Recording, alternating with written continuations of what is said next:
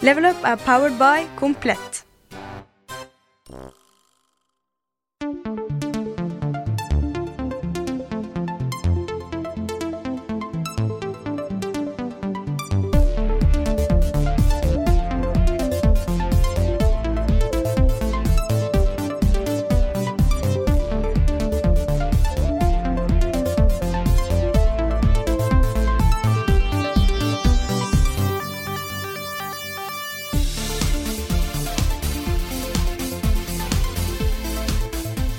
Velkommen skal dere være til en eksplosiv ny Level Up-cast med crazy saker, drøye samtaler og to programledere som virkelig ikke kan temmes.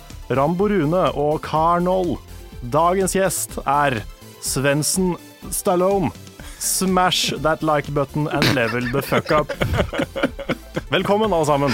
Og velkommen desto mer til vår gjest Jan Martin Svendsen. Tusen hjertelig takk, og for en intro. Ja, takk, Ja, det takk. er bra, Karl. Det var, eh, Setter stemninga. setter, setter tonen for resten av podkasten. Mm, det er flott. Dette er da Level Upcast, som er podkasten til eh, dataspillprogrammet Level Up på VGTV. De er, eh, det er jo Karl og jeg som kjører dette her eh, hver uke, og så noen ganger har vi gjester. Og som Karl nevnte, så er da du gjest i dag, Jan Martin Svendsen. Ja, hei sann. Hyggelig å være her igjen. Ja. Du kom inn på laget, er det et år siden cirka? Ja, det begynner jo å bli et år siden nå. Ja, er det vel eh, det er ikke enda mer? Er det ikke halvannet Kanskje, år? ja, kanskje halvannet. mars i fjor. Ja, så litt, litt over et år, da. Ja. Tiden flyr. Du kom inn for å bli, eh, hva skal man si, eh, strategi, Moba, MMORPG-spesialist Ja. Hos oss, egentlig. ja. Og så ble det veldig mye annet i- in between. Ja da, Ja, det gjorde det. For du har jo fått, du har jo fått nesten alle Game of the Year-kandidatene egentlig hittil ja. i sesongen. Du har fått The Witcher, du har fått Bloodborne, og eh, alt annet kos, Ja, jeg, egentlig. Har, jeg føler jo meg ekstremt heldig, sånn sett. Det gjør jeg, for jeg får jo spille akkurat det jeg har lyst til å spille, og det jeg har gleda meg til å spille lenge. Så eh, det å komme hit var et godt valg. Og så har du jo din egen YouTube-kanal som spirer og gror. Ja, sakte, men sikkert. Det har blitt eh, litt mindre der i det siste. Det har eh, Det er jo sånn at det er jo ikke alltid jeg rekker å spille ferdig 100% disse spillene jeg får. Fordi for eksempel Witcher, det er jo i hvert fall et 100-timersspill. Uh, Spilte du ikke 100 timer før du anmeldte det? Nei. Det er, På en helg? Ja. Var det? det var ikke det. Altså såpass forventer vi. Jeg skal bruke i hvert fall 36 timer om dagen på, på et ja, spill. Altså. jeg beklager. skammer meg intenst. eh, Så da blir det jo til å bare ta inn alt Mm. så mye jeg kan. Ja. Der var det jo eh, Vi hadde jo en liten sånn eh, greie med The Witcher 3 da den eh, Mm. til slutt ramla inn. Fordi vi skulle jo ha fått den faktisk et par uker før lansering. Kunne vi fått det spillet. Såpass. Uh, og så gjorde vi ikke det. Og så Hva skjedde? Nei, det er jo fryktelig vanskelig å si akkurat hva som skjedde. Ja. Uh, utgiveren påsto jo at uh, den sto satt fast i posten. Oi. Um, Det er enten sant eller en veldig convenient excuse. den kom jo med det budfirmaet som de sa de hadde brukt, Ja. uh, men da eh, hva var det? det? To dager etter lansering kom den som de hadde sendt, da. Ja, riktig. Den spesial preview-utgaven som du må spille på en annen type PlayStation. Ja, på en debug-konsoll. Ja, riktig. Det er um, kjempepraktisk. Ja. Men da hadde vi jo en, eh, en eh, liten samtale om hva vi skulle gjøre, for det kom søndag kveld. Spillet ble lansert på tirsdag. Ja. Uh, hvor mye tid trenger man på å anmelde The Witcher 3? Så endte det opp med at du fikk da til neste episode. Vi hadde jo i utgangspunktet sagt at vi skulle anmelde det uh, den uka som det kom ja, ut, korrekt. for seg selv. Eh, men det Ja. Vi, eh, vi kan være litt sånn derre Ha litt pisken, eh, Jan Martin, men Mm. uh, akkurat der så syns jeg det var greit å gi deg litt tid. Jo, takk. Det er jo ikke et spill man kan anmelde på en dag. Nei. Det er på noen som helst måte. Ikke sant? Det, um, jeg har jo Jeg, jeg skippa eneren fullstendig når det gjelder Witcher, men jeg hoppa jo rett til toeren. Og, og det var jo Det var jo et ekstremt stort, langt og foldig spill, men sjøl det kan jo heller ikke sammenlignes med treeren. Det er kanskje det største spillet jeg har spilt sånn størrelsesmessig på som en helhetsbasis. Så um, uh, Men nå er vi jo eh, elegant over i, i eh, spalten Hva har vi spilt i det siste også. Ja. Vi kan jo snakke litt om The Witcher 3, fordi Det er jo et spill som veldig mange av oss i redaksjonen har gleda seg til å spille. Ja. Ja, har du fått testa den nå, Karl? Jeg har ikke fått testa den nå. Nei? Du er litt sånn addicted til uh, Ja, Bloodborne du nå er jeg veldig Bloodborne. Jeg har Ja. til og med, I dag har jeg launcha Yes. Oh, ja. I dag har jeg launcha min første episode av YouTube-serien min om Bloodborne. Nei, det er kanskje ikke. Så eh, nå spiller jeg nå, Planen er å spille gjennom Bloodborne fra start til slutt. Med en ny character. Flotters. Eh, og solo alle bossene og alt mulig. Oi. Så vi får se. Hardcore. Hard, det er ikke så hardcore. Ja, okay, det er basically å spille Bloodborne på vanlig måte. Men, eh, men det er så gøy. Jeg savner det spillet når ikke jeg spiller det. Så jeg Ja. måtte bare lage mer. Jeg er helt enig. Med um, en gang jeg var ferdig med Witcher-anmeldelsen, så var det rett på Bloodborne. Mm. Med en gang. Men det introduserte liksom jeg sier at nå skal vi snakke om The Witcher 3. Eh, Et spørsmål som vi fikk eh, litt i kommentarene, Jan Martin, var jo hvorfor en femmer og ikke en sekser? Dette er jo årets beste spill. Ja, ehm, og jeg vil si meg helt enig på mange forskjellige måter. Absolutt. Um, jeg veit ikke helt hvordan jeg skal forklare det, uh, men Witcher kontra veldig mange andre action-RPG-er som jeg har spilt, det er De gjør det helt perfekt når det gjelder story. Veldig perfekt når det gjelder story. Um, du kan like så godt danke ut en god bok med eh, hvordan hele verden blir fortalt gjennom et Witcher-spill. Fordi har du tålmodigheten til det og har hjernekapasiteten til å huske alt, så er det bare et helt eget univers som venter på deg. Men jeg har alltid syntes det er et eller annet som Å si at det ikke stemmer, blir feil. Men jeg veit ikke. Det er ikke en sekser for meg. Litt, det, føler du at det er litt sånn øh, øh, Litt påtatt, noe av de store tingene, eller er det andre ting, liksom? Litt, kanskje. Ja. Uh, Men det er jo, jeg skjønner veldig godt hva du mener eh, likevel, fordi det er jo ikke sånn Et spill er jo ikke bare en, en serie med pros og cons. nei, Det er jo en opplevelse. Mm. Og noen ganger så er ikke den opplevelsen helt full pott maks, selv om det er veldig imponerende og stort og kult. Så Altså, vi har en slags policy eh, her, da, som jeg har vært en ganske hard på- pådriver for, også lenge før Level Up med andre frilansere og sånt. Er man i tvil, så trekker man ned. Ja, Og så er det et eller annet bak i bakhodet ditt, selv om du ikke klarer å formulere det så godt, kanskje, så skal man trekke ned. Og det er liksom mye, mye verre å angre på å ha vært for snill, enn å angre på å ha vært for streng. Jeg gjør det allerede, jeg, på enkelte spill. Så det, men uh, Witcher var nok da at det er et sånt spill. At eh, Jeg kan anbefale det til absolutt alle som kunne tenke seg å spille det, som liker et RPG eller action-RPG eller og de. Men det var bare ikke sex for meg, rett og slett. Den samme diskusjonen eh, kom jo da du anmeldte Dragon Age eh, også, Ja, som du også ga en femmer. ja. Men der eh, ga du en sekser Vi vippa den opp til en Ja, sekser. Ja, du gjorde det, Ja, det samme fordi jeg hadde ikke fått prøvd multiplayer-biten. Ja, ja. Men uh, den var uh, akkurat så god som jeg hadde håpa den skulle bli. Ja, så da bare, ja. ja, greit. Stemmer. Mm. Nei, det er, uh, det er litt artig med terningkast og sånt. Folk henger seg så veldig opp i det. For det er vel ikke noe tvil om at du syns The Witcher 3 er et veldig bra spill? Fantastisk bra. Det er kanskje et av de beste spillene jeg har prøvd. Ja. Men uh, noen ganger så holder det ikke. Nei. Nei. Det er mange, det er stadig flere som går vekk fra terningkast og scores som uh, anmeldelsesting. I hvert fall så er det heldigvis flere og flere som går bort fra den derre grafikk, kolon. ja, 7,5 ja. av 10. ja. mm. Lyd, kolon. Ja. det er interessant, for de brukte veldig, veldig mange før. Ja, veldig mange. Det så jeg overalt. Ja. Og det er jo utrolig merkelig uh, og veldig sånn by the numbers måte å anmelde et spill på. Mm. Det er vel fortsatt hvordan IGN opererer, er det ikke det? Det veit jeg ikke. Jeg tror, Jo, jeg tror, de har, eh, jeg, jeg tror de har på en måte en oppsummering av de forskjellige liksom, elementene, men eh, de har jo også sagt at, de, eh, at eh, scoren deres ikke er en sum av de tingene, Nei, som det var ofte før. da. Ja, jeg for Game Trailers også hadde den. Ja. Jeg tror ikke de har den lenger. Jeg tror kanskje både IGN og Game Trailers har gått vekk fra akkurat det. Mm. IGN har fortsatt en sånn der pluss-minus-liste på slutten, Ja. Mm. men uh, Og den er vel for så vidt grei, den, er den ikke det? den er litt mer innafor, i hvert fall. Ja, litt mer innafor. Nei, fordi uh, jeg, jeg tenker jo liksom det å anmelde spill er jo en veldig subjektiv ting. Ja. Uh, og eh, for de fleste som anmelder spill, så handler det mye om følelser. Hva får dette spillet meg til å føle? Nettopp. Uh, og den derre følelsen dere snakker om, å savne spillet når man ikke spiller det, f.eks. Mm. Som jo er en sånn ikke-definerbar uh, verdi da, i spill. Ja. Det er på en måte en veldig personlig ting og en veldig subjektiv ting. Og da kan man ikke begynne å liksom si at ja, lydbildet trekker dette opp til Jeg, jeg vet ikke. Nei. Nei, for det er jo For å ta, det, for å ta Bloodborne, da, så Mm. er jo det for meg, og sikkert også for deg, en klar sekser. Ja, ja, ja. Ikke noe diskusjon. Uten tvil. Ja. Men det er jo fortsatt ikke perfekt. Nei, nei. Men det er liksom Det som er bra, det er så bra at det spillet kan ikke få noe annet enn en sekser.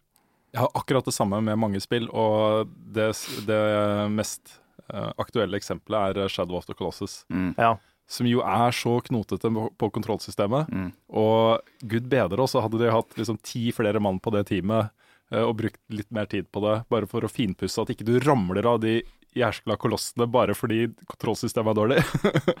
så hadde jo det blitt et bedre spill. Men Mm. det er jo så bra, det som er der, og det, når det funker. Og det er vel ingen spill som blir omtalt uh, mer som en sånn følelseslada opplevelse som Mm. akkurat Colossus. Nei, det er helt sant. Ja, det er vel kanskje prima eksempelet for liksom spill som kunst. Uh, Ja, ja, ja. Ja, et av de beste. Mm. Jeg, jeg føler at det de eh, virkelig, virkelig eh, fikk til der, var alle disse lange rideturene mellom Ja. bossene som det ikke skjedde noe. Mm. For det ble en sånn derre refleksjonsting, liksom. Mer sånn derre Nå er jeg i denne verdenen, det skjer ingenting. Jeg rir på hesten min, liksom. Men jeg er på vei til noe, jeg har akkurat gjort dette, og så begynner man å tenke litt, og så Suspens og alt mulig. Ja, ja, Ja. ja. Og det er Fordi- så sånn unconventional i spill Mm. å gjøre det. Ja. Lange perioder med ingenting. Det, er vel, Det ser man nesten aldri. det er vel praktisk talt ikke musikk heller, i de ride... Det er mange veldig, veldig lange, og så kommer det liksom et eller annet som trigger deg Ja. på et eller annet punkt, men det kan ri liksom mange minutter uten å høre noe annet enn hovene og, og vinden og alle de tingene der. Jeg lurer litt på om Soul-serien har tatt inspirasjon fra det. Ja, det For det er jo ikke banemusikk i Souls, det er bare Det er ta inn den verden du er i nå. Mm. Og det Jeg liker det. det er et, eh, når det gjøres riktig, Ja. så blir det litt sånn. Når du, Ja, veldig bra designgrep. Ja. De er gode på stemning. ja, veldig. Spesielt da i, eh, nok en gang i Bloodborne. Ja, ja, herregud. Jeg tok en kamp mot uh, Rom igjen. I, uh, det, er en, uh, det er en boss som er kanskje den ekleste bossen i hele Bloodborne. Helt grusom. Og den er ekkel på en veldig sånn fascinerende måte. Veldig. Fordi du, du havner på sånn Dette er litt sånn spoiler, så holder dere for øra de som ikke vil vite noe om Bloodborne. Ja. Men Nå holder Rune seg for øra. Ja. Men det er liksom når du lander i det der vannområdet Ja. hvor du slåss mot uh, Rom, så er det Så ser du den, den er der. Du ser ikke hva det er for noe. Det er Han bare en- angriper, angriper ikke. Nei, den er helt stille. Og um, jeg skulle litt ønske at Rune hørte det, men, uh, men han får bare la være. Ja. Um, men uh, det, er liksom, det ser ut som en sånn steinhval eller noe sånt. Ja, han ser egentlig litt fin ut på avstand. Ja, den er blomster på ryggen og sånn. Ja. Og så angriper du den, Og da, og så regner det edderkopper fra himmelen. og i tillegg så, så skjønner du i det øyeblikket at Rom er en forvokst jævla edderkopp. ja, for han har kanskje 30 auer i ansiktet sitt. Ja, og det får du plutselig Dytta i ansiktet. Ja, Fordi det er. Nei. det, det er usynlige vegger, og han dytter deg opp i den veggen, og da er det sånn veldig ubehagelig klosshold Ja, med en edderkopp, og det er ikke veldig koselig. Hvor, de, hvor bra designa de utrolig fæle øynene til den bossen er. Ja. Og bare stemningen og det som skjer med deg da. Mm, Og, og det at du ikke vet Du ser fortsatt ikke helt hva det er for noe. Nei. Selv om spillet kaller det en edderkopp, ja. så er det jo ikke en edderkopp. Det er noe ikke annet rart. Det er en ting. Det er en ting. Og det er så ubehagelig. Jeg så ansiktet til Rom i alle bobler i en uke etterpå. Mm. det var helt grusomt. med. Og det er få ting som kommer så under huden på meg som sånne ting. Jeg sier bare grisen, jeg. Ja, den grisen òg. Den uffa meg. Ja, mm. Men The Witcher 3, folkens. Ja, Det er fantastisk bra spill, det. det. Jeg har lyst til å spille, det også, men jeg, jeg innser jo at det kan bli vanskelig. Du snakker om 100 timer.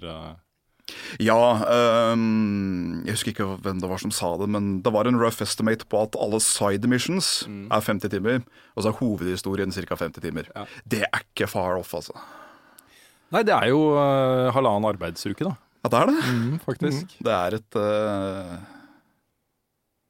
Ja, nei. Det det, er, det er på alle mulige måter verdt opplevelsen. Det er det.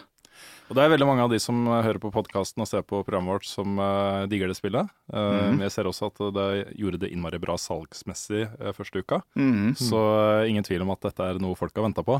En annen ting som folk kanskje ikke har venta på i like stor grad, men som på en måte lanseringsdatoen, da. Endelig så er den her. Heroes of the Storm, som er et Ja. annet spill du nå nettopp anmeldte. Korrekt, korrekt. ja, hva syns du om det? Eh, egentlig akkurat det jeg sa på slutten av anmeldelsen. Det virker som en, eh, en ekstremt god Moba-plattform for de som har tenkt til å prøve det. Fordi det er eh, Selv om det har sine avanserte gimmicker som alle andre Moba-spill, så er det veldig enkelt. Det er veldig lett å forstå. Det er ikke så mye kluss med, med items og optimalisering og alt det der. Det er mer Du er en figur ute på en bane med seg. Vinn. Er det litt som å starte på Elderscroll-serien med Skyrim? At det, Ja. liksom, ja. det er relativt enkelt å komme inn i i forhold til de andre. Skyrim er eh, fint og flott, men det er dumma det, kontra de tidligere spillene. Det er det. Og Heroes of the Storm er vel akkurat det samme. Men god damn it, Blizzard, ass. De, de klarer å skape en sånn stemning rundt alle spillene sine som bare Blizzard kan. Det er the Blizzard feel, eller the Bliss feel, om du vil. Og øh, for hvert fall jeg, da, som har veldig kjennskap til alle spillene, Diablo, Warcraft, Starcraft. Det er veldig moro å spille de forskjellige figurene mot hverandre i en arena der hvor de aldri kunne møtes før. Så det er kos.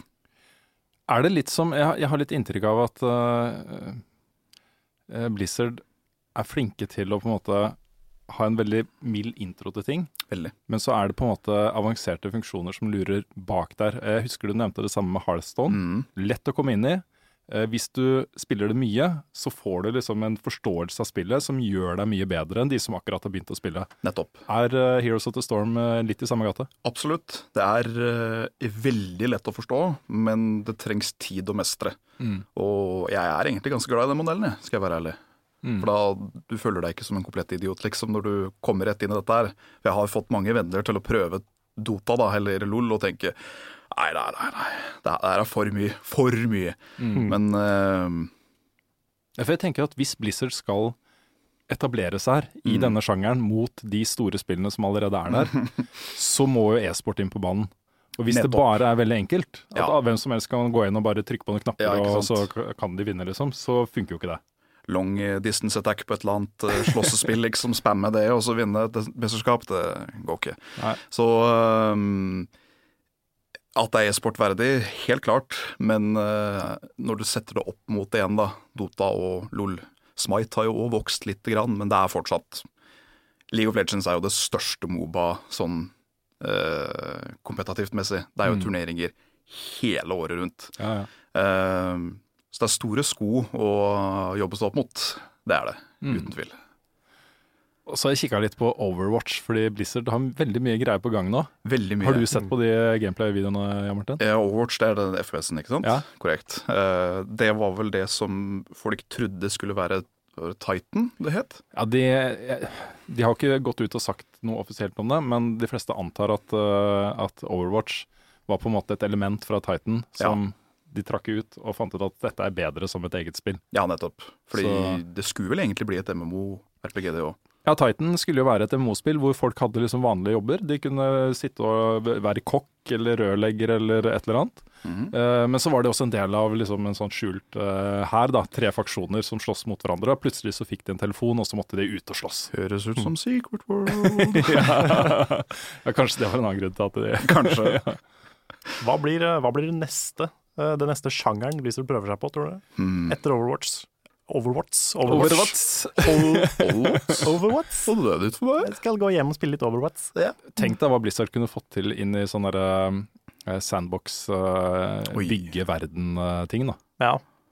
Blizzard Minecraft. Ja, ikke sant? Eller uh, uh, hva het de der spillene? Um, altså SimCity Liksom i den gata, da. Ja. Tenker litt sånn et eller annet innenfor GTA-ish òg, sånn open world eh, exploration-opplegg.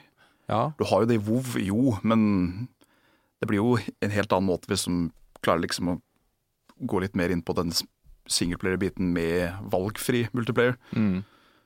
Blizzard har i hvert fall nok penger til å gjøre hva pokkerne vil. Ja. Til eh, evig tid. til evig tid. Fordi det er en ting som jeg syns alltid er litt morsomt å komme som et motargument. Det er jo det at å nei, øh, Blizzard gjør det så dårlig nå, de mister jo millioner og millioner subscriber i WoW. Og det gjør de jo nå igjen. Ja. Kjempefall, nok en gang. Men folk glemmer det at jo da, selv om Blizzard er nå ned i 5,9 mill. subscribers i WoW, så er det mer subscribers på WoW enn det alle andre MMO-er er til sammen. Så, Hva er 5,9 millioner ganger 100? Ja, ikke sant. Så har man hvor mye de tjener i måneden. også. ja, og det er på WoW. Bare på WoW. Bare på WoW. Mm. Ja. Så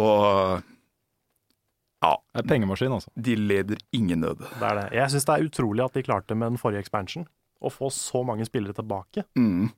Da, For de- da gjør de mye riktig, ass. Mm. For det skal tror- mye til å få meg tilbake med en expansion i et MMO. Jeg tror de var 700 000 folk unna være på sitt øh, øverste, eller sitt høyeste, Wow. i subscriber-antall etter uh, Warlords of Draenor. Mm. Så det er jo noe riktig må de gjøre. Og mange andre spill er drithappy med å bare ha 700 000 spillere. Nettopp. Men var det ikke Tomb Raider-rebooten som var så sånn her Å nei, vi solgte bare mange millioner. ja. Det var Square Enix, det var ikke det? Som var kjempeskuffa for at de ikke solgte mer enn dritmye. ja. Nei. Her er vi inne på, eh, på earnings forecasts og sånne ting, Ja. hvor eh, aksjonærene blir liksom forespeila at de skal tjene så og så mye penger, Mm. og så viser det seg at de kanskje har tatt det litt hardt, og så Ja. ja. Uff a meg. Er, over tid da, så har jo faktisk det spillet blitt, eh, tror jeg, det mest solgte Tomb Raider-spillet noensinne. Har det? Eh, på, fordelt på forskjellige plattformer og billige versjoner, og Hvem av dem var det igjen? det var den siste. Den som bare er Tomb Raider. Det som bare er Tomb Tomb Ja, riktig. Ja. Med hun nye, eller unge Lara Croft. Mm. Ja, ja, ja. Stemmer. Yes, jeg, jeg tenker vi runder av kanskje, eller hvis du ikke har veldig lyst til å snakke om alt det morsomme du har spilt eh, det siste, Karl? Nei, altså, jeg har jo ikke spilt så mye siden, siden sist. Jeg har, eh, jeg har jo, eh, som jeg allerede har sagt opptil flere ganger, spilt Bloodborne. Og Mhm. um, Splatoon har jeg jo spilt litt grann, Mm. sammen med kjæresten. Vi har uh, spilt litt online og offline og diverse. Og um, nå har jo ranked battles og sånn åpna opp. Det åpna opp den dagen anmeldelsen min kom, så det var jo litt utdatert allerede da. Ja. Men, eh, men ja, jeg har ikke fått testa det ennå. Men eh, jeg har spilt litt, litt sånn casually. eh, on off. Vinner ca. like mye som jeg har tapt. Og det er jo gøy. Det ser jo veldig koselig ut. Det er et koselig, morsomt spill. Um, føler jo foreløpig at det, er, det mangler litt, litt content og litt dybde, kanskje. Men, men det er absolutt et bra spill. Mm. Core gameplay-elementene og liksom alt designmessig er veldig bra. Ja. Så jeg vil gjerne se at det blir eh, At det bare, det, det bare får mer i seg. Basically. Mm. Det skjedde noe innmari stort, eh, var det i går? Foregårs? Mm. I går var det vel det? Det var i går, ja. Det var i går. Det skal vi snakke litt mer om nå. Ja.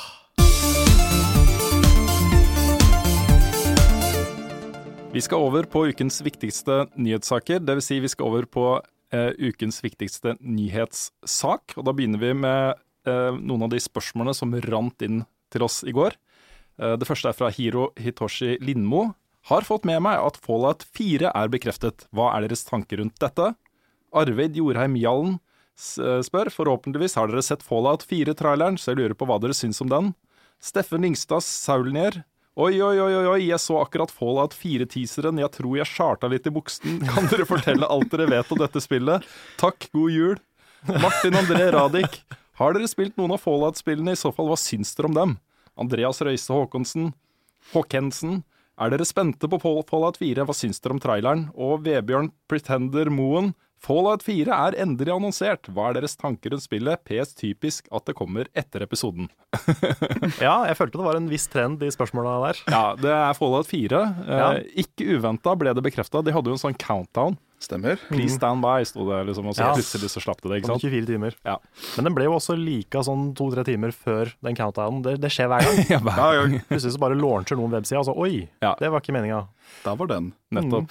Dette er også litt spennende fordi, eh, fordi de går litt bort fra eh, Fallout Lauren fra før. Eh, introduserer et helt nytt område i Boston. Boston, ja. Et helt nytt hvelv. Ja.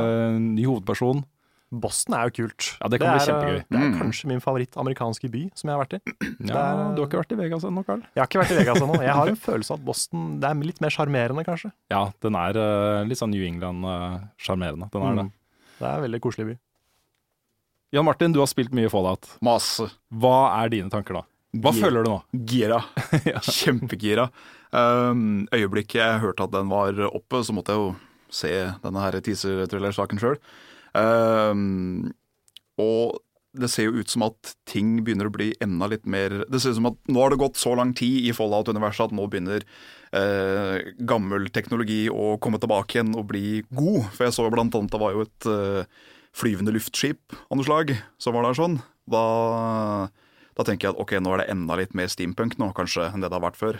Ikke det at det ikke har vært steampunk før, men eh, jeg liker det. Veldig spent på å se hva de klarer å få til. Men jeg er fortsatt litt sånn uh, delt mening, og denne her deler jeg med Bjørn, fra Våre Salt og Fjær, Bjørn, at litt redd for at det skal bli dumma ned.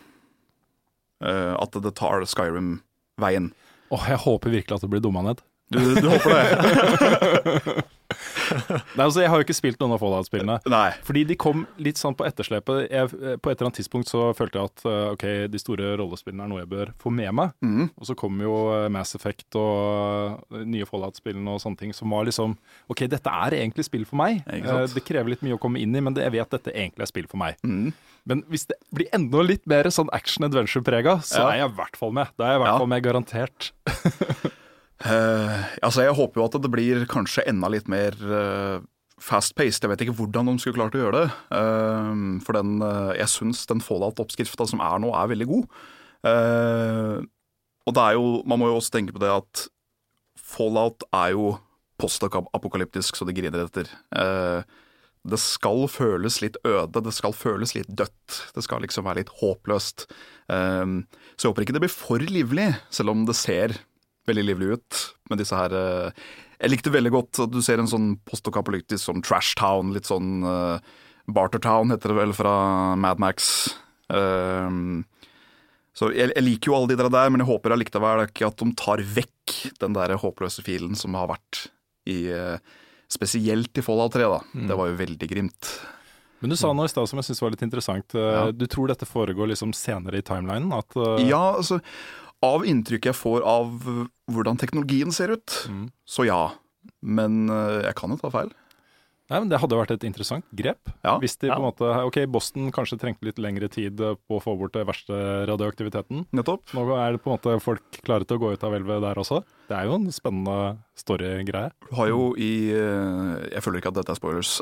I Fallout 3 så har du blant annet en, en mekanisk by som styres via heisekraner og fallbroer og alt mulig. Men du har aldri sett noe så uh, avansert og finurlig teknologi som du så nå bare så vidt i den uh, Fallout 4-traileren. Altså et, noe som flyr. For det var det jo. Det var jo et dampskip eller hva det var for noe som kunne fly. Og det er helt nytt.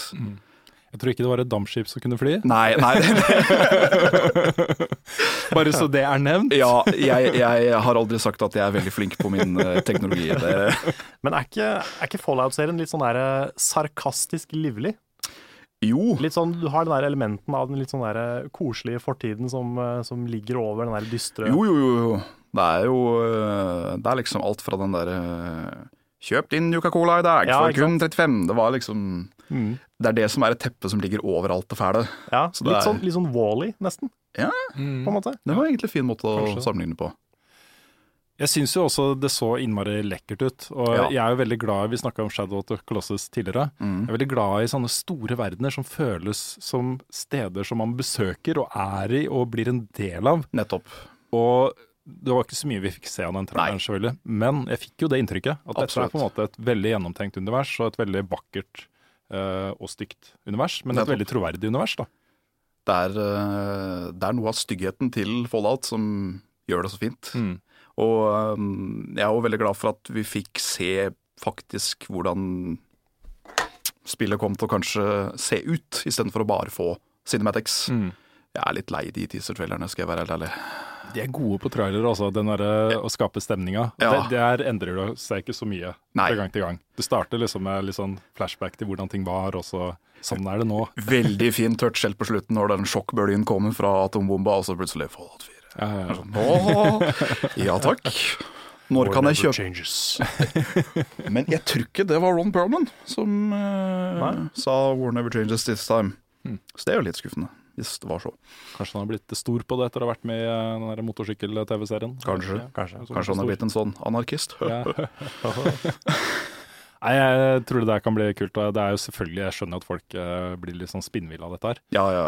Så er det jo litt sånn tegn i tiden, da. Nå kommer jo ofte de store, store tingene rett før etere istedenfor på etere. Det er litt synd. Ja. Ja, men kan det bety at eh, Bethesda har noe Har enda mer å vise fram? På... Ja, Dishonored 2. Garantert. Ja, det er det. Ja, garantert. Og så er det jo Doom, da. Doom Ja. vet vi jo de skal vise fram. Er det Bethesda som har Doom? Bethesda har Doom. Mm. Den eh, Doom-T-skjorta jeg bruker i eh, ny og ne, Ja. den er kjøpt på shoppen til bethesda.com. Nei, det er galt Så de har overtatt lisensene til å gi ut Ha, Doom og Quake og id. Ja. ting da. Spennende. Er det for tidlig for noe mer Ellers Scrolls, eller går det an å ha håp for det òg? Nei, det er jo et stort rykte nå, at det også blir annonsa på etere. Men ja, hvis, hvis det gjør det, så Mm. tipper jeg at vi snakker sånn 2017 Ja. cirka. At de bare kanskje viser noe artwork eller noe et eller annet, men de Mm. sier at de jobber med det. Ja. For det var jo ikke hovedsakelig ehm, Bethesda som jobba med ESO. Nei. Nei, det var vel Zenimax, oh, ja, okay, hvis jeg Ja. ikke husker helt feil. Så det er lov å håpe. ja, vi kan lure oss til å tro at de har sittet og jobba intenst med det spillet i årevis. Se her hva dere aldri hadde trodd vi skulle gi. Ja, dette har vi jobba med i vår hemmelige verden Ja. i årevis. Men det er jo på en måte tidenes største ikke-nyhet også, Ja. at det kommer et nytt uh, Elder Scrolls-spill. Ja, ja, ja. Men det er liksom, når et sånt spill kommer, Ja. så kommer jo alle de som er Elder Scrolls-fans, de kommer jo til å bare begrave seg i det spillet. ja, ja, ja. I ukevis, kanskje månedsvis. Jeg vet ikke ikke hvor mange hundre timer det er på Skyrim. Nei. Og det er Skyrim. Ja, og jeg ser på meg sjøl som en casual Elder Scrolls-spiller. Jeg har over 100 timer i Skyrim. Ja, så, um, så ja. Nei, det, Vi kommer helt sikkert tilbake til Fallout og uh, alt det andre fra Bethesda og alle de andre som viser fram ting på etere uh, etter hvert. Vi skal jo dit. Vi det er ikke lenge til, Karen. Karl. Det er en uke til i Det er en uke til vi drar. Fy Fy faen. Globetrotters, altså. Ja, dette er vilt. Ja, det blir uh, crazy. Vi gleder oss veldig. Det blir kjempespennende. Mm. Vi kommer til å lage noe innhold fra etere mens vi er der, som vi gjorde i fjor også. Og så skal vi lage en stor eh, etere-spesial uka etter. Um, kanskje vi også lager en litt sånn podkast on the road på et Ja, eller annet kanskje. vis. Hvis vi har tid. Mm. Vi får se. Vi får se. Vi eh, runder av denne spalten. Nå skal vi svare på eh, masse spørsmål. Det har kommet masse spørsmål til deg, eh, Jan Martin. Oi, oi. Eh, vi skal ta det, men vi har et annet spørsmål vi må svare på først. Ja.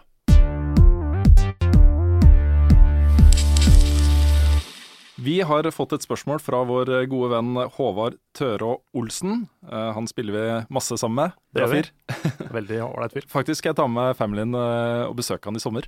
Det er såpass. Så, ja, ja. De, de bor på sånn tomt hvor foreldrene har et hus ved siden av, og de skal på hytta. Så da kan vi låne huset, så vi får liksom et hus, og det er rett ved stranden, og det blir så bra. Eh, Men han spør et veldig essensielt eh, spørsmål. Vi har snakka mye om Game of Thrones eh, eh, i denne sesongen av Level Upcast. Det har vi. Hva er deres tanker om at Game of Thrones ikke følger hendelsene i bøkene lenger? Jeg var skeptisk først, men så kom Hard Home. Ja. Eh, Jeg er jo basically helt enig med Håvard. Jeg, var, eh, jeg har vært skeptisk denne sesongen her. Det har vært litt opp og ned, det har gått litt treigt. Det har vært noen, eh, noen twister jeg kanskje ikke har vært superfan av. Men den forrige episoden Jesus Christ, det var en bra episode. Ja, jeg, jeg syns ikke vi skal gå i detalj på hva den inneholder, for det er Nei. sikkert uh, mange som ikke har sett den episoden. Men det er uh, Vi kan på generelt basis da si at det er en 15 minutter lang sekvens der som er liksom på høyde med alle de beste tingene man har sett i Game of Thrones til nå. Ja. Det var det. altså, den var jo en blockbuster-filmsekvens. ja, det var det. Ja, det, det også legger den mye grunnlaget for hva som skal skje videre. Hmm. Så eh, det, det jeg satt der liksom bare sånn What? Ja, ja. Det var, det var sånn jeg hadde, jeg hadde vondt i huet etterpå, for jeg, var så, jeg var så anspent. Mm. Det var Også- helt drøyt. Ja, og så hadde vi liksom akkurat kommet oss etter at en av eh, de personene man kanskje ikke liker så godt, hadde havna i ulykka. Ja. Så man liksom reela litt etter det, og så kom dette. Ja, og ikke minst så har to av de største figurene i hele serien møtt hverandre for Ja. første gang. Ja, Det var så mye bra. Da er vi mye vage til greier her, men Ja. eh, alle som har sett det, skjønner hva vi snakker om. Det gjør de. Nei, uh, Den forrige episoden av eh, Game of Thrones redeema mye av liksom Fordi jeg merka Jeg så to episoder på rappen nå. Jeg så eh, episode sju og åtte rett, etter- hverandre. Ok? Og mens jeg så episode sju, så var jeg sånn jeg, Det var ganske seint, jeg begynte å bli trøtt. Det var sånn jeg nipp på nippet til å sovne. det har vært tungt, altså. Ja. Og du har eh, mange sesonger, du. Ja, har dere fått med dere at han der Joffrey har blitt konge? Ja, det, han, jeg liker ikke han. Jeg håper han dør snart. Ja, det hadde vært noe. Ja. Nei, jeg har vel faktisk sett første sesong. Det, det, jeg har ikke sett mer, ikke fordi at jeg ikke, ikke likte det, tvert imot. Eh, men jeg sier som til dere, som jeg sier til alle andre, det er så utrolig mye der ute å se på. Mm. Jeg må bare bestemme meg en dag for å begynne å se på det. Ja, Men du har mye bra å se fram til. Ja, du har det Det, mye bra å se frem til. det har jeg skjønt på romkameraten. For Ja. Han så alt resterende i løpet av to uker, tror jeg. Ja. Jeg tror du kommer, til å, du kommer til å nå et punkt hvor du bare ikke klarer å stoppe. Ja, det tror jeg også. Det var akkurat samme som for meg nå når jeg så på Hvis jeg får lov til å ta en liten avsporing. Det er helt i orden. Takk. Dette er programmet for det. Ja, men Så flott. Eh, Jeg så nettopp ferdig den eh, Daredevil-serien oh, ja. på Netflix. Ja, den har jeg også sett ferdig. Den, eh, den var ikke dum, altså. Nei, den, var, den er innmari bra. Det var, det var et lite løft kontra filmen. Ja. Ja, Den filmen er vel kanskje legendarisk dårlig. ja, jeg husker ingenting fra den, og det Nei. sier vel alt. Det er det. Er det ikke den som åpner med at han står og liksom klemmer et kors Ja, på korrekt. toppen av en kirke? Som bare står og mm, korrekt. God! Han har vondt. Det fins jo ikke subtilt, på Nei. en måte. Nei, men eh, det har jo vært en sånn gjennomgående greie, liksom. Bok, bøkene kontra TV-serien. Eh, og nå har vi jo kommet til et punkt i TV-serien eh, hvor de må begynne å finne på ting, fordi eh, bøkene er ikke ferdige ennå. Nei. Nei, De gjør jo dette her i samarbeid med George R.R. Martin. Da. ja, i hvert fall i stor grad. Mm. Og jeg tror ikke det kommer til å bli så annerledes heller. Nei. For jeg, jeg mener jeg har hørt at de kommer til å slutte på samme måte som bøkene. Ja. Og de kommer til å Altså, de vet jo mye Mm. av det som skjer i de, neste, de siste to bøkene. Så kanskje liksom måten ting blir beskrevet på, måten ting nøyaktig skjer på, er nok litt annerledes Mm. eh, framover. Men Ja. jeg tror det basically kommer til å være den samme historien. Nettopp. Det, det er min, eh, mitt inntrykk. Mm. Nei, vi får en liten utfordring i Los Angeles, eh, Carl. Fordi uh, Bethesda-eventet går vel omtrent samtidig med Med den episoden. episoden av Game of Thrones. Ja, men hvis vi får en så ræva skit-TV som vi fikk forrige gang, Ja, da kan vi godt vente. da kan vi vente. Ja, det fordi det var bare tull. Ja, det var bare tull. Alt var mørkt. Det var mørkeste episode i hele Ja, serien. det var, Hvis dere husker den episoden hvor, uh, hvor Wildlingsa angriper The Night's Watch, Mm. så er den episoden 100% Hver eneste scene er på natta, Mm. Og det er kjempemørkt. Hvis du ser den episoden på en mørk, liten CRT-TV som ikke kan justere lysstyrke, som ikke er i widescreen, så kan du bare du kan slå av. Mm. Det, du får ingenting ut av det. Og det var det vi gjorde i Ja, og vi kom jo til Los Angeles den dagen, så vi var jo jetlagga ut i måneder siden. Vi var jo så, vi var jo så trøtte Mm. og sånn der tunge i hodet. Åh, nei, det var, eh, det var dårlig taktisk grep av oss. Ja, det var veldig dårlig. Vi hadde jo brukt denne episoden som sånn motivasjon hele dagen. ja. Sånn der, nå skal vi komme oss til hotellet, og vi skal se Game of Thrones. Ja, Bestill pizza og Ja, ja, ja, ja. Det var ikke måte på. Yes, nei, vi, um, Jeg nevnte jo at vi har masse spørsmål til deg, Martin. Ja. Så nå tar vi en liten Jan Martin Svendsen-sekvens i denne podkasten. En, en Svendsen-sekvens. En Svendsen-sekvens. Ja. Det er nytt for meg. En sekvensen. Ehm, det første spørsmålet er faktisk litt generelt, så her kan vi snakke litt alle sammen. Ja. Det er fra Steffen Lingstad Saulnier, eh, det også. Uh, god dag. Spørsmål til gjest og dere. Jeg lurer på hvordan det er å være anmelder i Level Up. Fungerer, uh, hvordan det å være anmelder i Level Up fungerer. Ja. Sender Rune eller Carl dere spill automatisk, eller spør dere etter det selv? Ettersom det er herr Svendsen vi ser mest av. Betyr det at dere syns han er the best, eller er det han som er mest innpåsliten for å få lov til å anmelde spill? og han avslutter også dette spørsmålet med takk og god jul. Å ja. Ja, Var det han som sa god jul i stad? ja det stemmer. Riktig. Ja. Um, da kan jeg jo spørre først eh, hvordan du syns det å være anmelder i Level Up, eh, ja, Martin? Det er jo en guttedrøm. Det er jo det. Uh, siden liten alder så har han vel alltid hatt lyst til å kunne jobbe med spill. Uh, så er det jo nok en gang, som jeg nevnte tidligere, da, at jeg kan jo, har jo mer eller mindre fått alle de spillene jeg har virkelig ønska meg å spille. Så da det er jo win-win på alle mulige måter. Ja, for det har jo vært litt sånn eh, Det har vært mye Jan Martin Mye Svendsen i Level Up Ja. de siste ukene og denne sesongen, egentlig. ja. Men det har jo hopa seg litt opp. Forrige sesong var det jo ikke så mye. Nei, da var det litt stille igjen. Eh, første sesongen jeg var med, var det jo ganske dritt da òg. Ja, Ah. jeg, jeg har inntrykk av at mange av de sjangerne som er på en måte dine, eh, strategi, Moba, MMORPG, vårsesongen er liksom høytid for den type spill. Fordi mm. på høsten så kommer liksom Assassin's Creed og Fifa og Ja. Call of Duty og alle de spillene der, ikke sant? Da detter jeg litt ut igjen. ja. Ja, det er sant. Og, um, og så er det noe med at um, det er jo litt tilfeldig òg, fordi uh, du fikk jo The Witcher fordi du har uh, mer kjennskap om de tidligere spillene enn mange av de, de andre i redaksjonen. Og du fikk Bloodborne fordi uh, du basically fikk jobben med en Dark Souls-anmeldelse. Så det er jo ja, det er mye Mm. sånne tilfeldigheter også som gjør at man, man får de spillene man får. ja, så får vi se da. Mortal Kombat X, det passer jo liksom ikke inn i den formelen. Nei, det er sant. Men det var litt sånn, da var det hvem har tid til å ta det? Ja. Vi eh, hadde nok ikke fått anmeldt det hvis ikke du hadde gjort det. Jeg, jeg, jeg Og så hadde, vi jo, så hadde vi jo ikke gitt deg alle disse spillene hvis ikke vi syntes du var flink. Nei, det er helt sant. Så uh, vi syns du er veldig flink. Ja, tusen takk for det, da. Det, Mm. det, er, eh, det er kjempegøy, rett og slett. Det er en rein fryd å være en del av teamet. Ja. Men det er hyggelig. Vi syns det er veldig hyggelig å ha deg med også. Jo, takk skal du ha. Ehm, for å ta det andre han spør om, eh, hvordan den prosessen fungerer. eh, det er jo litt sånn at dels eh, får de som anmelder for oss lov til å komme med forslag til hva de skal få anmelde. Eh, vi spør ofte sånn i starten av sesongen er det noen spill denne sesongen dere har veldig lyst til å anmelde. Mm. Eh, setter opp litt liste på det og osv. Men så er det også bare å følge hva som kommer. Mm. Nå kommer det spillet. Hvem i redaksjonen er det som har lyst til å ta det? Mm. hvem i redaksjonen er det som passer best til å ta det? Og flere har jo fått um, på en måte frilansjobb med en sånn sjanger knytta til det, Mm. eh, inkludert deg. da. Mm. Eh, så da er det mange av spillene som sier seg selv. Kommer det et Moba-spill, så er det bare du som tar det, for eksempel. Mm. Så det er vel uh, mer enn godt nok svar på det spørsmålet. Ja. Robin Herstagen eh, lurer på hva din favoritthelt i Heroes of the Storm er. Diablo. Diablo, ja. Ja. Han, uh, han holder deg i ro, så andre kan banke av deg, og det setter jeg pris på. Ja, kult. Um, Vetle Morris Stausland lurer på om du syns Heroes of the Storm um, er bedre enn Smite.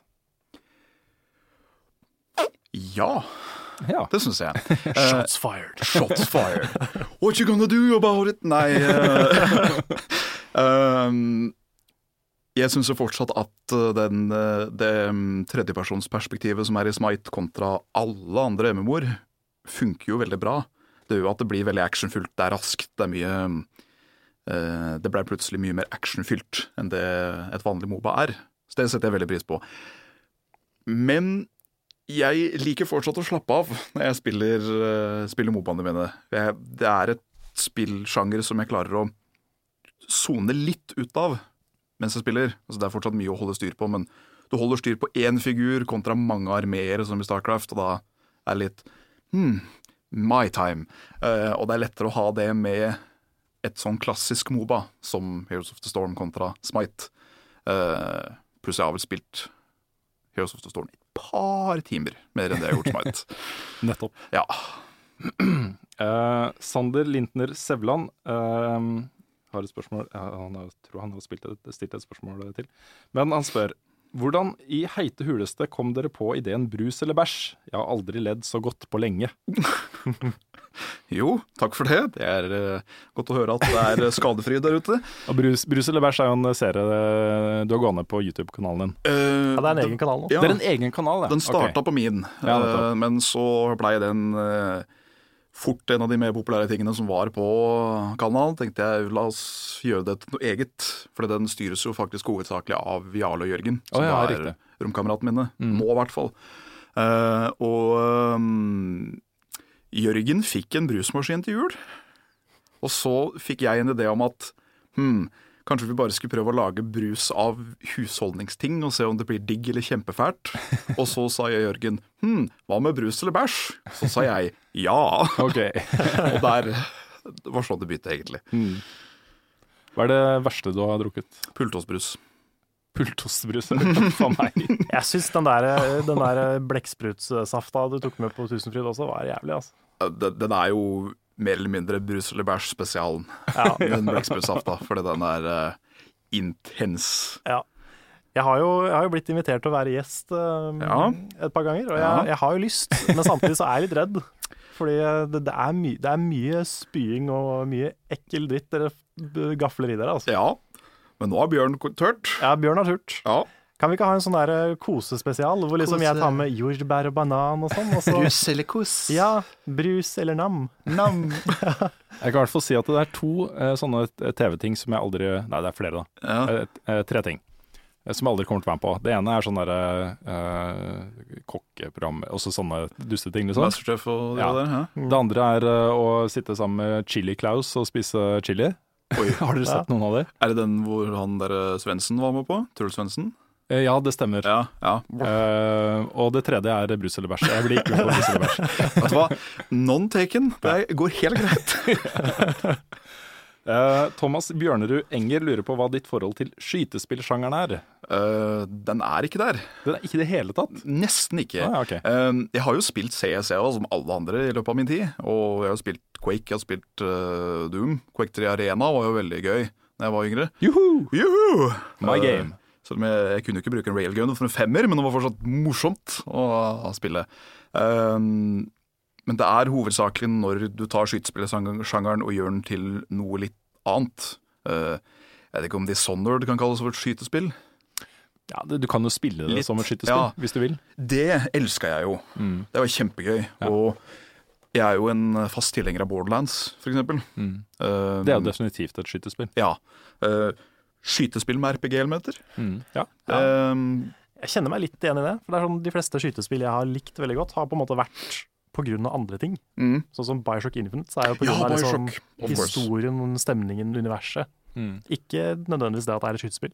Nei, det er ikke mekanikken i uh, Nei, FPS. det er ikke det nei. som appellerer til, til meg, i hvert fall. Nei. Men jeg er veldig nysgjerrig på hva du hadde syntes om Splatoon, Rune. ja. For, uh, ja, det appellerer ikke så veldig det heller, altså, til, til meg. Nei, men jeg er bare det. spent på, liksom, hvis du noen gang prøver det, Mm. hva, eh, hva du hadde syntes om mekanikken og om skytinga. Ja. Uh, sånne ting. Hvis det er liksom mekanikken du trigger på. da. Nei, altså, ja, fordi, eh, fordi det å på en måte Når jeg er i, i sånne arenaer som det der, mot andre, så vil jeg jo knerte dem, liksom. Jeg vil Ja. ikke male hele mitt område først, og så gå og male deres område etterpå. Jeg vil male de områdene med deres blod og gørr, liksom. Ja, Ja. men det er, jo, det er jo litt det du gjør også, selv om eh, kills er ikke så viktig. Men når du dreper noen, så Mm. splatter de jo i en svær malingsklump Ja da. som, eh, som da gir deg poeng. Kjøre malerkosten over dem som de sprekker. Ja, Så du kan, du kan jo være litt brutal i Splatoon også. Jo da. Nei, altså, eh, jeg vet ikke. Det ser artig ut. Det er liksom Jeg begrenser meg til det, da. Mm. Uh, appellerer ikke så veldig. Alexander Grillis Bakken lurer på hvor lang tid du brukte på Bloodborne. Hva er rekordtiden din på Soul-spilla? Hvor, hvor lenge sitter du og spiller? Generell tid. Og Uttrykksikonet smiley står der, men det er fordi jeg har kopiert det fra Facebook. Ja, riktig. det var mange spørsmål, da. Eh, jeg brukte jo 56 timer på første playthrough på Bloodborne. Mm, Uh, nå bruker jeg eh, litt i underkant av 20, nettopp. så det er jo betraktelig. Ja, men det er såpass. Er Bloodborne så langt? Har ikke folk runda det på tre timer og sånt? Folk Ja, har det runda er uten å- speedrunners. Altså, folk har runda første Dark Souls på 45 minutter, tror jeg. Mm. Så you, you, you name it. Da mener jeg 100 det. Oi. Altså Bloodborne. Det å liksom ta Å, ja, sånn, ja. Skyte gjennom uh, Challenge Dungeon, ta alle sidebossene. Ja, OK, jeg, da er jeg med. Da er jeg veldig med. Um, for det å runde det fra start til finish er vel kanskje 11 timer?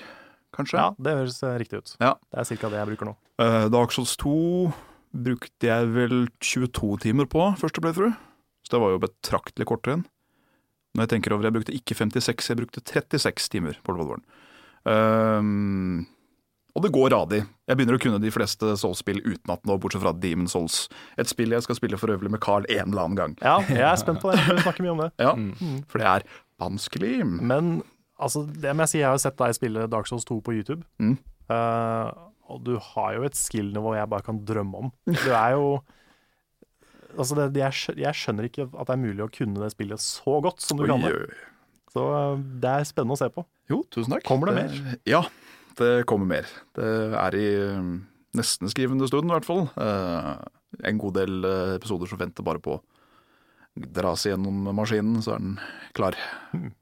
Men du har også en Bloodborne-serie planlagt? Er det, sånn, er det hemmelig, eller får, jeg lov, får du lov? Nei, nei, det? nei. Er, eh, jeg har planlagt én. Um, Bloodborne hardcore, om du vil. Ja.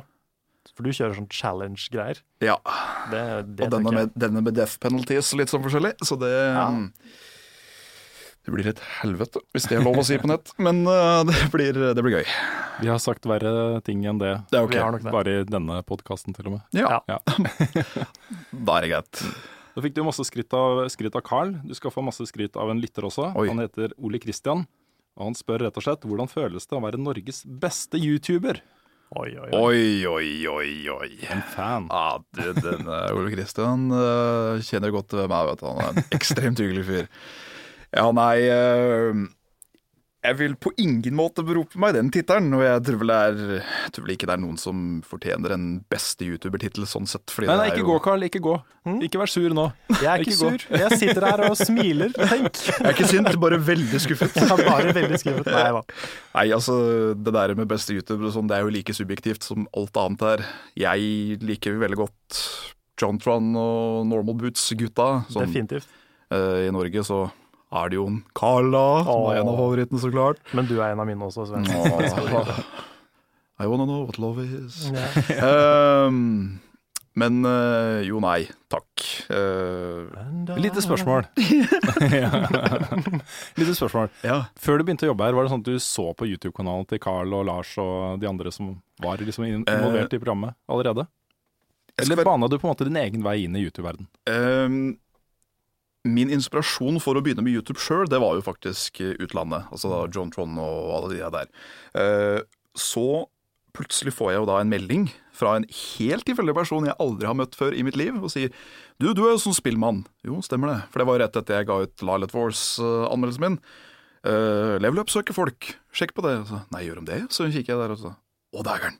Og da liksom Ja, fader, Carl, ja. Og så Storm...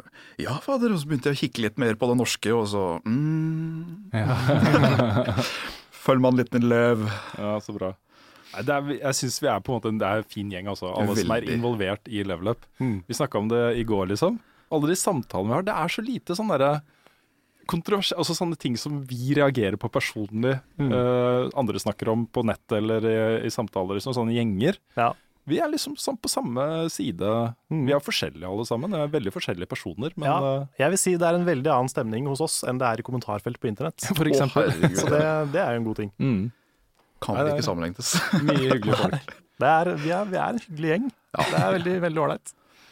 Um, jeg tror dette er det siste spørsmålet direkte til deg, Jan Martin. Så da, etter det så kan du bare stikke tilbake til Hønefoss. Ja, men du kan få lov til å bli her og svare på andre spørsmål også. Det er greit. Eh, Det er fra Kjell Tore Hareland. Ja. Eh, Hva er din favoritt-Smash-karakter? Bowser. Bowser, ja. Mhm. Så det var Diablo på Heroes of the Storm og Bowser på Jeg har, begynner å ane en trend her. Trend der, ja. Nei, jeg har alltid i eh, spill der hvor du kan eh, Der hvor det er erketyper, altså han, han raske og lette, han store og tunge, etc., etc.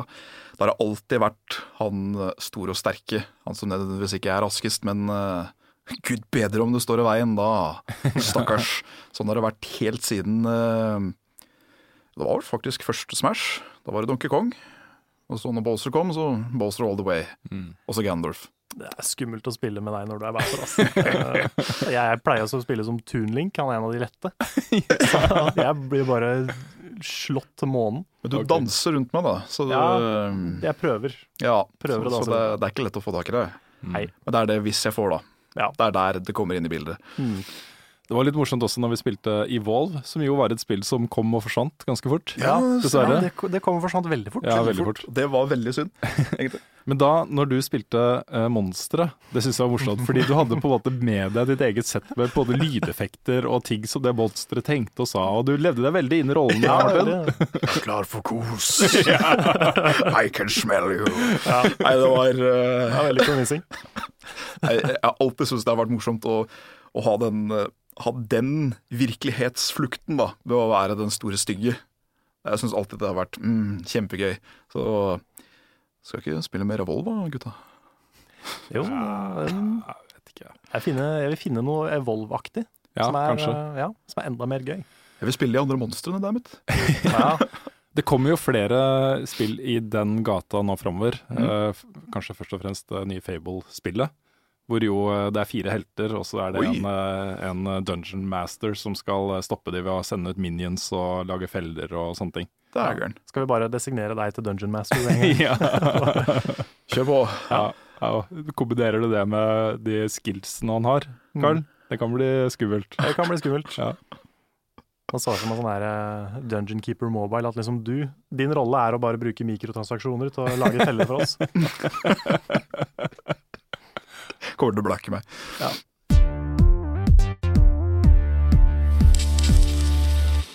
nå er vi drittlei av at det bare er Jan Martin som får eh, spørsmål, så Sorry nå er det faktisk et spørsmål til deg, Carl. Oi, Mm. yes. Det er fra Even Ersland. Han lurer på om du kan gi noen tips til spill som har samme story-feeling og fokus på karakterene som f.eks. Final Fantasy 10. Du hadde en fantastisk reportasje om det spillet, by the way. Å, tusen takk. Um, ja, Final Fantasy 10. Det, har jo, eh, det er jo et spill som er kjent for å ha veldig veldig mye story, veldig sånn karakterdrevet uh, plott, og veldig veldig mye cutscenes. Så andre spill som er sånn, det er i hvert fall um, Jeg vil jo uh, først og fremst trekke fram Shadow Hearts-serien, som er liksom en uh, litt mer sånn gotisk, dark eh, Final Fantasy-greie. Litt morbid òg. Litt morbid òg, spesielt det første Shadow Hearts. Det er ganske dark, men Shadow Hearts Covenant, det er veldig likt Final Fantasy 10, egentlig. Det er litt mer humor i det, litt mindre elendighet og tull og tøys. Men den serien er eh, veldig bra. Det er kanskje ikke alt som har eh, elda seg like bra, men den er på PS2. Eh, Hele serien er på PS2. Og hvis du får tak i de spillene, så er de verdt å spille. Ellers Kingdom Hearts, selvfølgelig. Og Final Fantasy 9 er jo min, eh, mitt store favorittspill. Eh, ellers så Det er jo mange flere, men det er vanskelig å komme på i farta. Et godt sted å begynne, i hvert fall. Godt sted å begynne. Absolutt. Har du noe forslag? Jo, Kronoserien, selvfølgelig. Å, herregud, ja. Kronotrigger og Kronocross. Eh, Kronocross er litt vanskelig å spille i Europa. I hvert fall eh, lovlig. Vi har, eh, har faktisk originalspillet hjemme. Har du det? Mm. Ja. Xenogears har jeg hjemme, faktisk. Xenogears. der. Det, det også er jo samme, samme kategori. Så basically bare JRPGs i sin storhetstid. Ja, Nino Kuni, ikke minst. på ikke minst. Mm. Det Så er, det, er, det er mye bra. mye å ta i. Mye å være glad i. Håper du har sittet og notert flittig nå, Even. Um, Jon Magnus Restad har et spørsmål som eh, vi kanskje ikke skal bruke altfor lang tid på, men jeg føler det forklarer litt problemene Nintendo har med sin Wii U. Så okay. vi tar bare spørsmålet. Eh, per i dag, hvis dere kun hadde en Nintendo Wii, ville dere oppgradert til en Wii U, nå som Nintendo allerede har begynt å snakke om neste generasjon konsoll? Skjønner det slik at de ikke kommer til å snakke noe om dette på E3, men at det muligens skjer noe allerede til neste år. Er i denne situasjonen selv og er litt i stuss. Ja.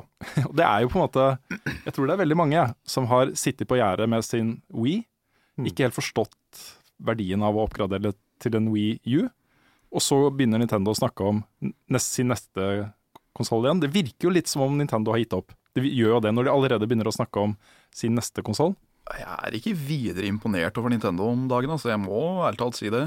Ja, hver gang vi snakker om dette, her, så trekker vi fram at Wii U har masse bra spill. Mhm. Den har jo det. For det er det jo ikke tvil om. Nei. Det, er jo, det har jo kommet de siste Det er vel tre år den har vært ute nå? To-tre år. Mm. Og det har jo kommet bra ting hvert år. Mm. Uh, mange spill vi har gitt terningkast eh, seks. Kanskje mer på Nintendo enn på andre konsoller. Det tror jeg nok. Um, men det virker jo som konsollen ikke kommer til å ha verdens eh, lengste levetid. Mm. Eh, hvis det er vanskelig å si om eh, Nintendo NX kommer til å ha eh, bakoverkompatibilitet. Hvis den har det, så er det ikke noe vits. Men det er vanskelig å vite på forhånd. Ja, det vet Ja. man ikke. Så hvis du er opptatt av spill, hvis du er glad i Nintendo, så vil jeg si det er verdt det. Mm. Eh, fordi det har kommet såpass mye bra. Jeg har liksom en mistanke om at hvis de nå lanserer sin neste konsoll veldig snart, at uh, bakoverkompatibilitet kommer til å være inkludert i den. Mm. Det er en ting som særlig eh, spilljournalister snakker mye om med nye konsoller. Uh, Åh, er det ikke bakoverkompatibilitet? Og hva skal vi gjøre?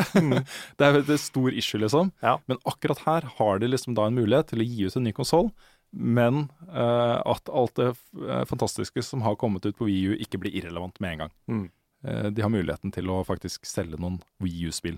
Ja, For det hadde vært utrolig trist hvis det hadde vært fakta at det hadde vært omvendt, mener jeg. Mm. Fordi personlig syns jeg jo at kanskje Mario Kart 8 er jo det beste Mario Kart-spillet som noen gang har blitt gitt ut. Ja, helt enig. Hvis det bare skulle husk, forsvinne ut og bare bli til Wii U. Men der igjen, jeg hadde nok kanskje kjøpt en Wii U nå nesten kun for Mario Kart 8 og Smash aleine. Ja. Det man i hvert fall kan si, da, er du glad i Nintendo-spill, så er det ikke noe å vente på. Nei, Nei, da er det ikke noe tvil. Nei. Da er du, du har et bra Donkey Kong, du har et bra Mario, du har, du har opptil flere bra Mario-spill, for så vidt. mm. Uh, du har Windwaker HD, masse men, bra. Men bortsett fra enda et New Super Mario Bros. X 1300, vær så god, er det et, et sånn standalone ny edition av Super Mario til Wii U-spill?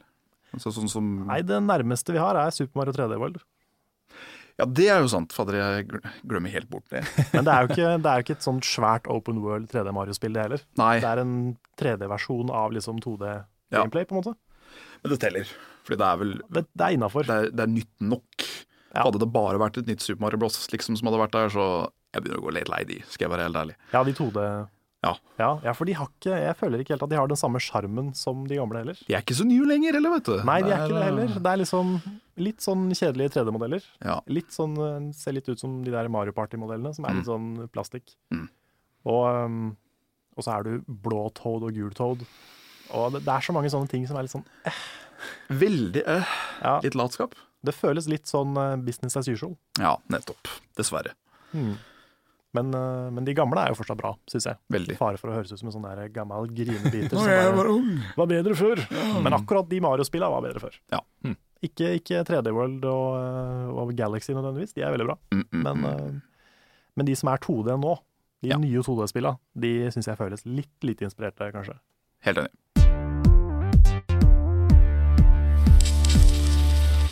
Et spørsmål til meg, faktisk. Oi, Ja. Mhm. kjøra på. Fra Simen Meisdal. Han lurer på hvilken periode i mitt liv som journalist som har betydd mest for meg. Ja. Eh, da må jeg, vil jeg egentlig trekke fram to perioder. Det ene er eh, da jeg eh, for mange år siden, sånn tidlig 2000-tallet, sa til sjefen min at For jeg begynte å anmelde spill med en gang jeg begynte å jobbe i VG. ved siden av de tingene jeg egentlig skulle gjøre. Eh, men det kom en høst, det kan ha vært liksom 2001-ish, hvor jeg sa til han at du, hva om jeg bare sitter hjemme i stua mi den høsten her og bare anmelder spill, og så ser vi om, hvordan det går. Og så sa han greit til det, og så skulle vi evaluere da rett over nyttår, eh, og det ble aldri noe evaluering. Oh. Jeg bare, jeg bare ble hjemme. Riktig. Jeg bare ble hjemme, og så bygde vi opp en spillseksjon på VG-nett og fikk en fast spillside i papiravisa. Og sånt. Og akkurat den perioden var innmari morsom, for da eh, kjente jeg jo ikke spillbransjen så godt, og jeg var liksom mer en entusiast, da. Eh, men det var en periode hvor jeg gikk fra å være bare en eh, spillentusiast til å være eh, mitt levebrød, da. Det å Mhm. dekke spill og anmelde spill på fast basis. Så den tida var innmari gøy. Veldig morsom. Klart det. Jeg husker bilder i et blad. Ikke sant?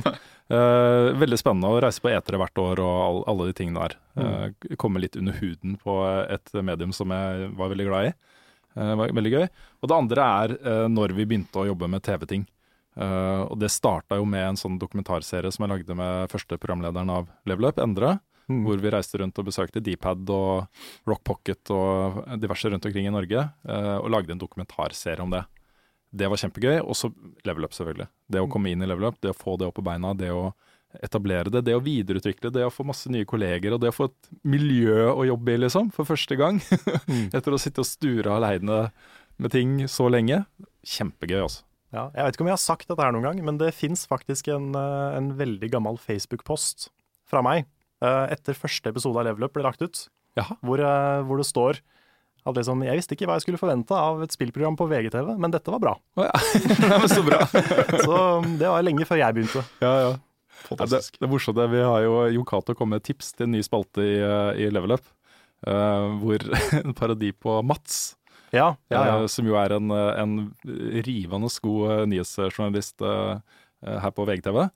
Eh, han har et eget program nå, og det første programmet så ringte han til eh, internettdebattanter og konfronterte Jeg dem syns med det var meningene så kult. Det var dritbra. Jeg ble så fan av han med en gang da jeg så det. Ja, ikke sant? Så eh, ideen til Jon Cato var da bare kalle det Rune, og så ringer jeg til liksom folk og konfronterer dem med ting de har sagt i, altså, i et, den og den diskusjonstråden tråden i 2011, så skrev du at Wii U suger. Hva mener du, står du fortsatt for det, liksom? Ja, begrunn det. Begrunn det. Ja. Det har vært kjempegøy. Mm. Hvordan kan du forsvare å bare fullstendig kjøre ned et, en fullstendig konsoll Ja. på den måten her? Hva slags argumenter har du? Ja, ja. Kanskje, vet du hva, når, du, når vi snakker om det nå, så tror jeg kanskje du hadde vært bedre som eh, at du skulle hett Carl. Åh, vet du hva, jeg tror ikke jeg hadde turt.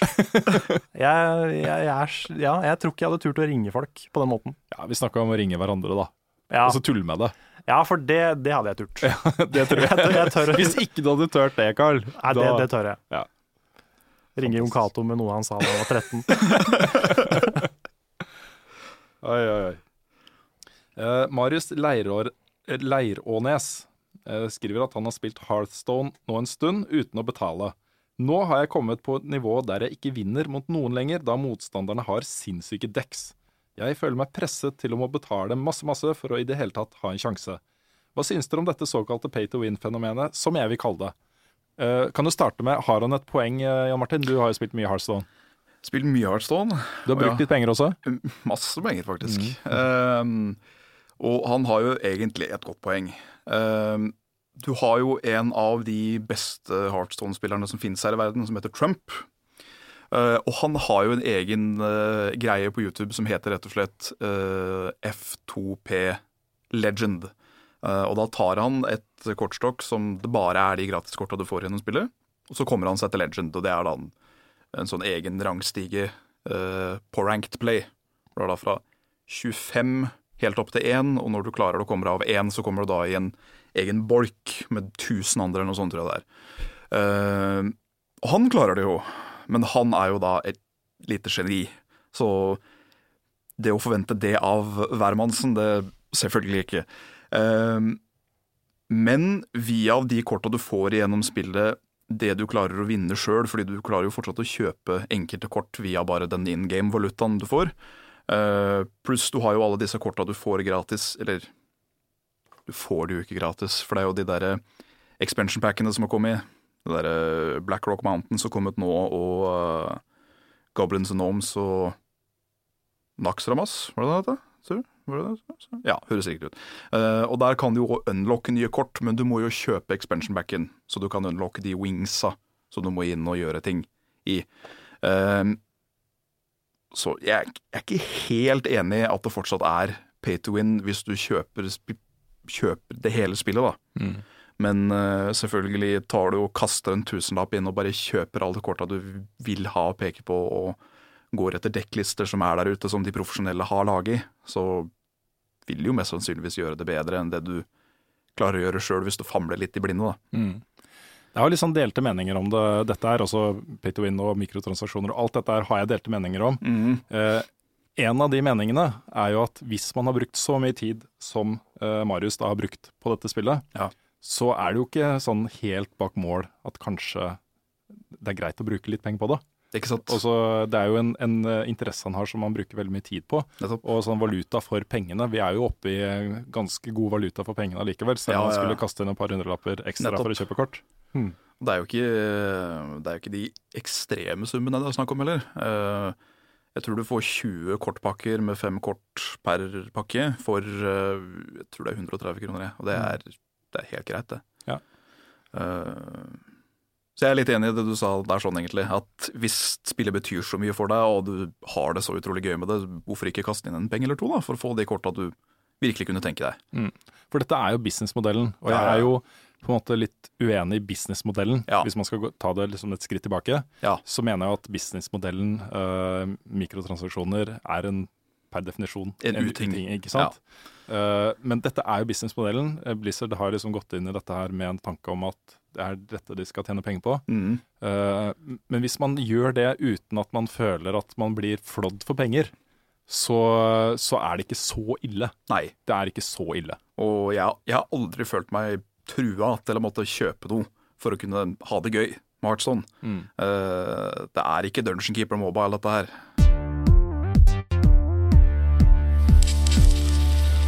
Eh, Det er et spørsmål fra Inge Straus her, som da faktisk blir til deg det også, Jan Martin. Ja, så ja. Eh, Det burde ha flytta litt på det. ja. Syns dere at Witcher 3 er et vanskelig spill? Ja, det er det. Hvorfor er det vanskelig? Hva er det som er vanskelig med det? Um, det som er vanskelig med Witcher, er jo combaten. Uh, men det er jo fordi at den er så realistisk. Nå tar jeg gåsetegn uh, her. Ehm, Vi legger inn gåsetegn i lydsporet. ja, Ja, vi gjør det. Veldig bra. Så akkurat der så kommer en Ja.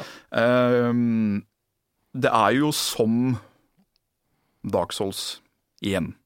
At det er veldig sånn uh, aktiv og reaktiv slåssestil. En fyr kommer og slår rett ned mot deg, og da må du enten hoppe til sida, eller så må du rulle vekk. Og for hver minste feil du gjør der sånn i en kamp, og da gjerne mot monstrene, for de er gjerne litt større og litt sterkere, så kan du fort bli drept i løpet av ett til to slag. Ferdig.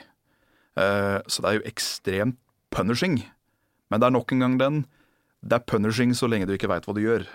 Når det begynner å sitte i fingra, akkurat sånn som et Soul-spill eller hvilket som helst annet, sånn type, jeg vil si, skill-basert spill, så blir det lettere. Det blir lettere og lettere jo lengre du spiller, men det er veldig vanskelig å begynne med det. Læ læringskurva er veldig høy. Det var sikkert et eh, godt eh, svar. Jeg vil håpe det. Um, Ole Kristian igjen, han lurer på hva vi ville likt å, se i Borderlands 3. Og det er et interessant spørsmål, fordi uh, Gearbox kommer jo med en helt ny satsing nå som ikke er Borderlands, som heter Battleborn. Eh, og det er på en måte en slags eh, hva skal man si, en videreutvikling av en del av de konseptene man kjenner fra Borderlands. Eh, den blander jo inn masse Moba-ting. Eh, du får din egen helt, og så skal heltene samarbeide. Og så er det et skytespill. Et uh, actionprega skytespill. Um, så jeg vet ikke hvor Borderlands 3 ligger i planene deres, egentlig. Jeg aner ikke. Um, jeg har ikke fått uh, dabla så mye med den Er det sequel den heter? Det siste spillet? Ja. Ehm, jeg har jo skjønt at det mer eller mindre er en uh, finpuss med storyelementer fra Borderlands 2. Ehm, som var jo et veldig godt spill, syns jeg. Men uh, på en måte føler jeg at de må gjøre noe nytt snart. Fordi jeg begynner å bli litt smålei. Lite grann. Ja, for formelen er jo at du kommer inn i et univers, og så har du liksom masse quests og sidequests og sånne ting, og så skal du samle gear, Eh, basically. Det er et singleplayer MMO-RPG, Ja, egentlig. Ja. Jeg, jeg, eh, jeg kunne veldig gjerne tenkt meg å bety mer i det universet, sånn persistent. Mm. Uh, jeg ville hatt flere uh, måter å samarbeide med venner på.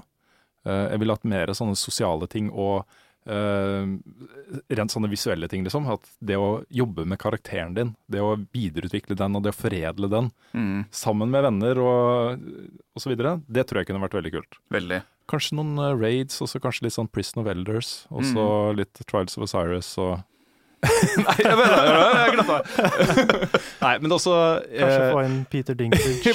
som en sånn liten rom. Nei, Nei men det ligger, det ligger et potensial i uh, Borderlands-konseptet til å tilføre masse MMO-ting Ja, som gjør uh, dette til en mye mer interessant opplevelse. fordi det, det som jeg alltid syns har vært litt kjedelig med Borderlands kontra et uh, fullblods MMO-RPG, da, eh, er det at eh, eh, det er veldig lite i form av customization. I hvordan det ser ut, hvordan eh, det spilles. Du har, du har et våpen med en funksjon, og så har du en granat. Det er hovedsakelig det. Du har ikke noe rustning. Uh, skin er bare en recaller. Sånn 'Å ja, jeg har grønne hansker nå'. Det, det liksom mm. Påfører ikke så veldig mye av det, og jeg er en skikkelig jålebukk når det gjelder uh, MMORPG-er og sånn. Jeg liker å, om ikke nødvendigvis stikke ut i massene, så i hvert fall se ut Sånn skal jeg se ut. Ja, Det har jeg oppdaga at det er også. Ja, ikke det sant. visste jeg ikke. Nei, artig hvordan det der Ja, ikke sant. Så Ja, det er, det er faktisk det er noe i det. ja. Jeg har merka det sjøl i det siste òg. Sånn eh, spesielt i From Software-spill. mhm. Fordi eh, det er jo Det heter jo noe, det er sånn her Fashion, Fashion Souls, Souls, og. Fashion Born. Kra- Helt hvor du, riktig. du tar på deg det som er kulest, ikke Ja. det som er best. Mm. Så det, Og det syns jeg egentlig er veldig fint med Bloodborne nå, bare for en liten avstikker, er at eh, rustning har noe å si i Bloodborne, ja, men ikke så mye som det har gjort i tidligere spill. Nei. Du kan mer eller mindre bare Der så jeg kjempefet ut. Ferdig. Mm. Og det er veldig bra. det har en verdi. Ja, nettopp. Det har veldig verdi. Ja. Når du f ser ut som en badass, så føler du deg som en badass. Mm.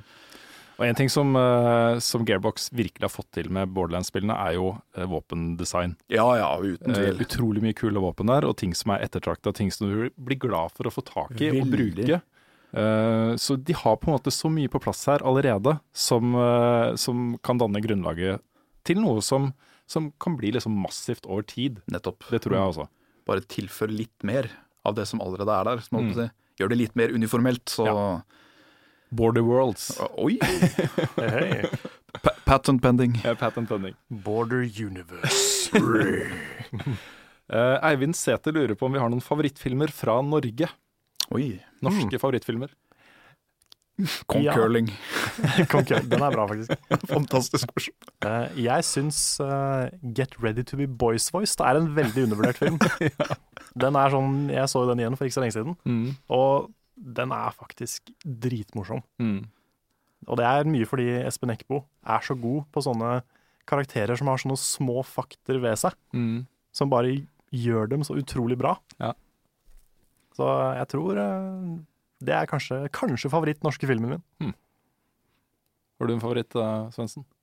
Jeg kødda egentlig ikke helt med Kong Curling. for den, eh, jeg er jo umettelig fan av Antonsen og egentlig resten av den gjengen der. Mm. Ehm, jeg har ikke sett så forferdelig mye norske filmer i seinere tid enn Kong Curling, som jeg faktisk kan huske. Uh, så da sier jeg Kong Curling enn så lenge. Mm.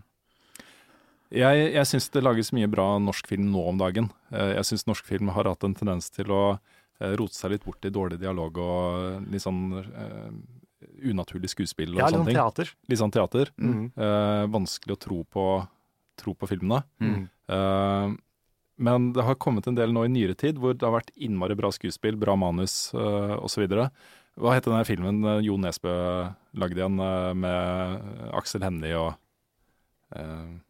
Aksel Hennie er jo i alt. Aksel Hennie er i alt. Så, eh, Vi skulle ha sjekka på Google. eh, ja. eh, jeg vet jo det, eh, selvfølgelig. Mm. Um, jeg har lyst til å si Manhunt, men det er ikke det den heter. Den Tenker heter du på Hodejegerne? ja, Hodejegerne. Ja, okay, ja. For den likte jeg veldig godt. Den hadde sånn internasjonalt snitt. Uh, som, uh, også den, jeg trodde på den. Jeg syns den var veldig bra. Uh, Trolljegeren også syns jeg var innmari ja den, den er kul. Den var veldig kul. veldig morsom. Ja. Men sånn følelsesmessig, da. Det var jo ikke en film, det er en TV-serie. Men uh, blindpassasjer som gikk for mange, mange, mange år siden. Mm. uh, den husker jeg veldig godt. Den sitter liksom begravd inni meg et sted.